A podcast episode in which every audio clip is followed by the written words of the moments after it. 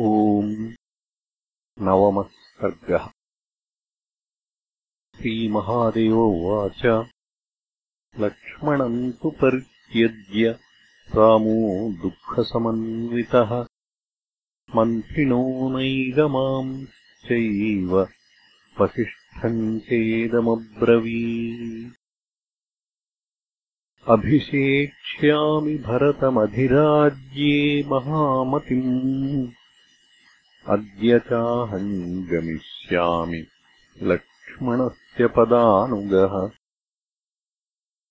एवमुक्ते रघुश्रेष्ठे पौरजनपदास्तदा द्रुमायिवच्छिन्नमूला दुःखात्ताः पतिता भुवि। मूर्च्छितो भरतो वापि रामाभिलाषितम् गर्हयामास राज्यम् सप्राहेदम् रामसन्निधौ। सत्येन च शपेनाहम् त्वाम् विना दिवि वा भुवि। काङ्क्षे राज्यम् रघुश्रेष्ठ शपे त्वत्पादयोः प्रभो इमौ कुशलवौ राजन्नभिषिञ्चस्वराघव कोशलेषु कुशम् वीरमुत्तरेषु लवम् तथा गच्छन्तु दूताः परितम् शत्रुघ्नानयनाय हि अस्माकमेतद्गमनम् स्वर्वासाय शृणोतु सः। भरतेनोदितम् श्रुत्वा पतितास्ताः समीक्ष्यतम् प्रजाश्च भयसंविघ्ना रामविश्लेषकातराः। वसिष्ठो भगवान् राममुवाच सदयम् वचः। पश्यतातादरात् सर्वाः पतिता भूतले प्रजाः। तासाम् भावानुगम् रामप्रसादम् कर्तुमर्हसि। श्रुत्वा वसिष्ठवचनम् ताः समुत्थाप् पूज्य च सस्नेहो रघुनाथस्ताः किम् करोमीति चाब्रवीत्। ततः प्राञ्जलयः प्रोचुः। प्रजाभक्त्या रघूद्वहम्। गन्तुमिच्छसि यत्र त्वमनुगच्छामहे वयम् अस्माकमेषा परमा प्रीतिर्धर्मोऽयमक्षयः तवानुगमने राम हृद्गता नो दृढामतिः। पुत्रदारादिभिः सार्धमनुयामोऽद्य सर्वथा। तपोवनम् वा स्वर्गम् वा पुरम् वा रघुनन्दन। ज्ञात्वा तेषाम् मनोदार्ढ्यम्। कालस्य वचनम् तथा। भक्तम् पौरजनम् चैव। बाढमित्याह राघवः। कृत्वैवम् निश्चयम् रामः तस्मिन्नेवाहनि प्रभुः प्रस्थापयामास च तौ रामभद्रः कुशीलवौ अष्टौ रथसहस्राणि सहस्रम् चैव दन्तिनाम् षष्टिम् चाश्वसहस्राणामेकैकस्मै ददौ बलम् बहुरत्नौ बहुधनौ हृष्टपुष्टजनावृतौ। अभिवाद्य गतौ रामम् पृच्छ्रेण तु कुशीलवौ। शत्रुघ्नानयने दूतान् प्रेषयामास राघवः। ते दूताः त्वरितम् गत्वा शत्रुघ्नायन्यवेदयन् कालस्यागमनम् पश्चादत्रिपुत्रस्य चेष्टितम्। लक्ष्मणस्य च निर्याणम् प्रतिज्ञाम् राघवस्य च। पुत्राभिषेचनम् चैव सर्वम् रामचिकीर्षितम् श्रुत्वा तद्दूतवचनम् शत्रुघ्नः कुलनाशनम् व्यथितोऽपि धृतिम् लब्ध्वा पुत्रावाहूय सत्वरः अभिषिच्य सुबाहुम् वै मथुरायाम् महाबलः। यूपकेतुम् च विदिशानगरे शत्रुसूदनः अयोध्याम् त्वरितम् प्रागात् स्वयम् रामदिदृक्षया ददर्श च महात्मानम् तेजसाज्वलनप्रभम्। दुकूलयुगसंवीतम् ऋषिभिश्चाक्षयैर्वृतम्। अभिवाद्यरमानाथम् शत्रुघ्नो रघुपुङ्गवम् प्राञ्जलिर्धर्मसहितम् वाक्यम् प्राहमहामतिः अभिषिच्य सुतौ तत्र राज्ये राजीवलोचन। तवानुगमने विद्धि माम् कृतनिश्चयम् त्यक्तुम् नार्हसि माम् वीरभक्तिम् तव विशेषतः। शत्रुघ्नस्य दृढाम् बुद्धिम् विज्ञाय रघुनन्दनः। सज्जीभवतु मध्याह्ने भवानित्यब्रवीद्वचः। अथ क्षणात् समुत्पेतुर्वानराः कामरूपिणः वृक्षाश्च राक्षसाश्चैव गोपुच्छाश्च सहस्रशः ऋषीणाम् देवतानाम् च पुत्रा रामस्य निर्गमम्। श्रुत्वा रघुश्रेष्ठम् सर्वे वानरराक्षसाः। तवानुगमने विद्धि हि नः प्रभो। एतस्मिन्नन्तरे रामम् सुग्रीवोऽपि महाबलः। यथावदभिवाद्याः राघवम् भक्तवत्सलम्। अभिषित् त्याङ्गदम् राज्ये आगतोऽस्मि महाबलम् तवानुगमने राम। विद्धिमाम् कृतनिश्चयम् श्रुत्वा तेषाम् दृढम् वाक्यम्। पृच्छवानरराक्षसाम्। विभीषणमुवाचेदम्। वचनम् मृदुसादरम्।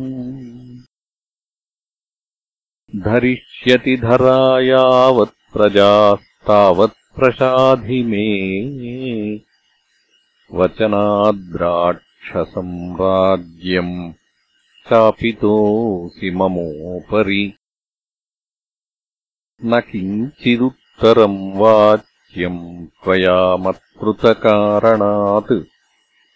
एवम् विभीषणम् तूक्त्वा हनूमन्तमथाब्रवीत्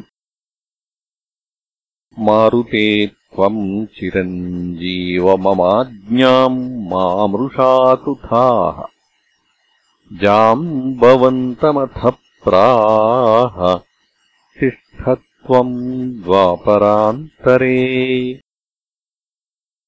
मया सार्धम् भवेद्युद्धम् यत्किञ्चित्कारणान्तरे। ततस्तान् राघवः प्राह वृक्षराक्षसवानरान् सर्वानेव मया सार्धम् प्रयातेति दयान्वितः। ततः प्रभाते रघुवंशनाथो विशालवक्षाः सितकञ्जनेत्रः पुरोधसम् प्राह वसिष्ठमार्यम्। यान् त्वग्निहोत्राणि पुरो गुरो मे।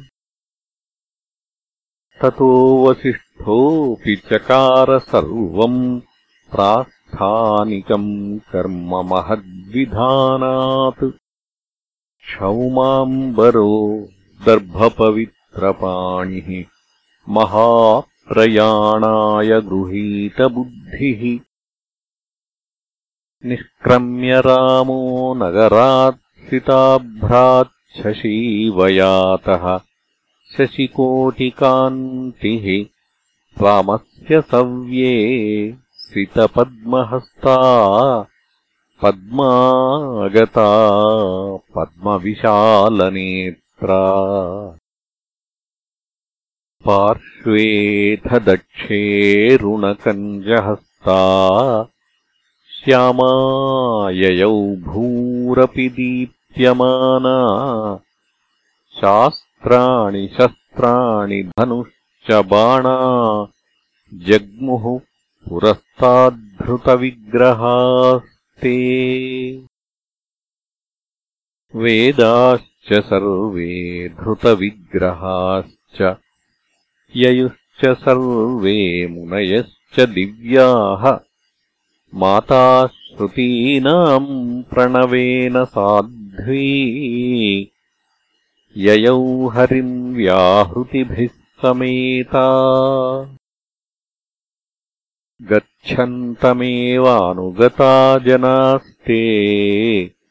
सपुत्रदाराः सह बन्धुवर्गैः अनावृतद्वारमिवापवर्गम् रामम् व्रजन्तम् ययुराप्तकामाः सान्तः पुरम् सानुचरः सभार्यः शत्रुघ्नयुक्तो भरतोऽनुयातः गच्छन्तमालोक्य रमासमेतम् श्रीराघवम् पौरजनाः समस्ताः। सबालवृद्धाश्च ययुर्द्विजाग्र्याः। सामात्यवर्गाश्च समन्त्रिणो ययुः। सर्वे गताः क्षत्रमुखाः प्रहृष्टा। वैश्याश्च शूद्राश्च तथा परे च। सुग्रीवमुख्या हरिपुङ्गवाश्च स्नाता विशुद्धा शुभशब्दयुक्ताः। न कश्चिदासीद्भवदुःखयुक्तो दीनोऽथवा बाह्यसुखेषु सक्तः आनन्दरूपानुगता विरक्ता ययुश्च रामम् पशुभृत्यवर्गैः। भूतान्यदृश्यानि च यानि तत्र ये प्राणिनः स्थावरजङ्गमाश्च साक्षात्परात्मानमनन्तशक्तिम् जग्मुर्विरक्ताः परमेकमीशम्। नासीदयोध्यानगरे तु जन्तुः कश्चित्तदा राममनानयातः शून्यम् बभूवाखिलमेव तत्र। पुरम् गते राजनि रामचन्द्रे ततोऽतिदूरम् नगरात् स गत्वा दृष्ट्वा नदीम् ताम् हरिनेत्रजाताम्। ननन्दरामः स्मृतपावनोतो ददर्श चाशेषमिदम् हृदि स्थम् अथागतस्तत्र पितामहो महान् देवाश्च सर्वे ऋषयश्च सिद्धाः। विमानकोटीभिरपारपारम् समावृतम् खम् सुरसेविताभिः। रविप्रकाशाभिरभिस्फुरत्खम् ज्योतिर्मयम् तत्र नभो बभूव स्वयम् प्रकाशैर्महताम् महद्भिः समावृतम् पुण्यकृताम् वरिष्ठैः। ववुश्च वाताश्च सुगन्धवन्तो ववर्षवृष्टिः कुसुमावलीनाम्। उपस्थिते देवमृदङ्गनादे गायत्सु विद्याधरकिन्नरेषु। रामस्तु पद्भ्याम् सरयूजलम् सकृत्। स्पृष्ट्वा परिक्रामदनन्तशक्तिः। ब्रह्मा तदा प्राह कृताञ्जलिस्तम्। रामम् परात्मन् परमेश्वरस्त्वम् विष्णुः सदानन्दमयोऽसि पूर्णो जानासि तत्त्वम् निजमैशमेकम् तथापि दासस्य ममाखिलेशकृतम् वचो भक्तपरोऽसि विद्वन्। त्वम् भ्रातृभिर्वैष्णवमेकमाद्यम् प्रविश्य देहम् परिपाहि देवान्। यद्वा परो वा यदि रोचते तम् प्रविश्य देहम् परिपाहि नः त्वम्। त्वमेव देवाधिपतिश्च विष्णुः जानन्ति न त्वाम् पुरुषा विना माम् सहस्रकृत्वस्तु नमो नमस्ते। प्रसीद देवेश पुनर्नमस्ते। पितामहप्रार्थनया स रामः पश्यत्सु देवेषु महाप्रकाशः। मुष्णंश्च चक्षूंषि दिवौकसाम् तदा बभूव चक्रादियुतश्चतुर्भुजः शेषो बभूवेश्वरतल्पभूतः सौमित्रिरत्यद्भुतभोगधारी। बभूवतुश्चक्रधरौ च दिव्यौ। कैकेयिसूनुर्लवणान्तकश्च। सीता च लक्ष्मीरभवत्पुरेव रामो हि विष्णुः पुरुषः पुराणः। सहानुजः पूर्वशरीरकेण। बभूव तेजोमयदिव्यमूर्तिः विष्णुम् समासाद्य सुरेन्द्रमुख्या देवाश्च सिद्धा। मुनयश्च दक्षाः पितामहाद्याः परितः परेशम् स्तवैर्गृणन्तः परिपूजयन्तः। आनन्दसम्प्लावितपूर्णचित्ता बभूविरे प्राप्तमनोरथास्ते।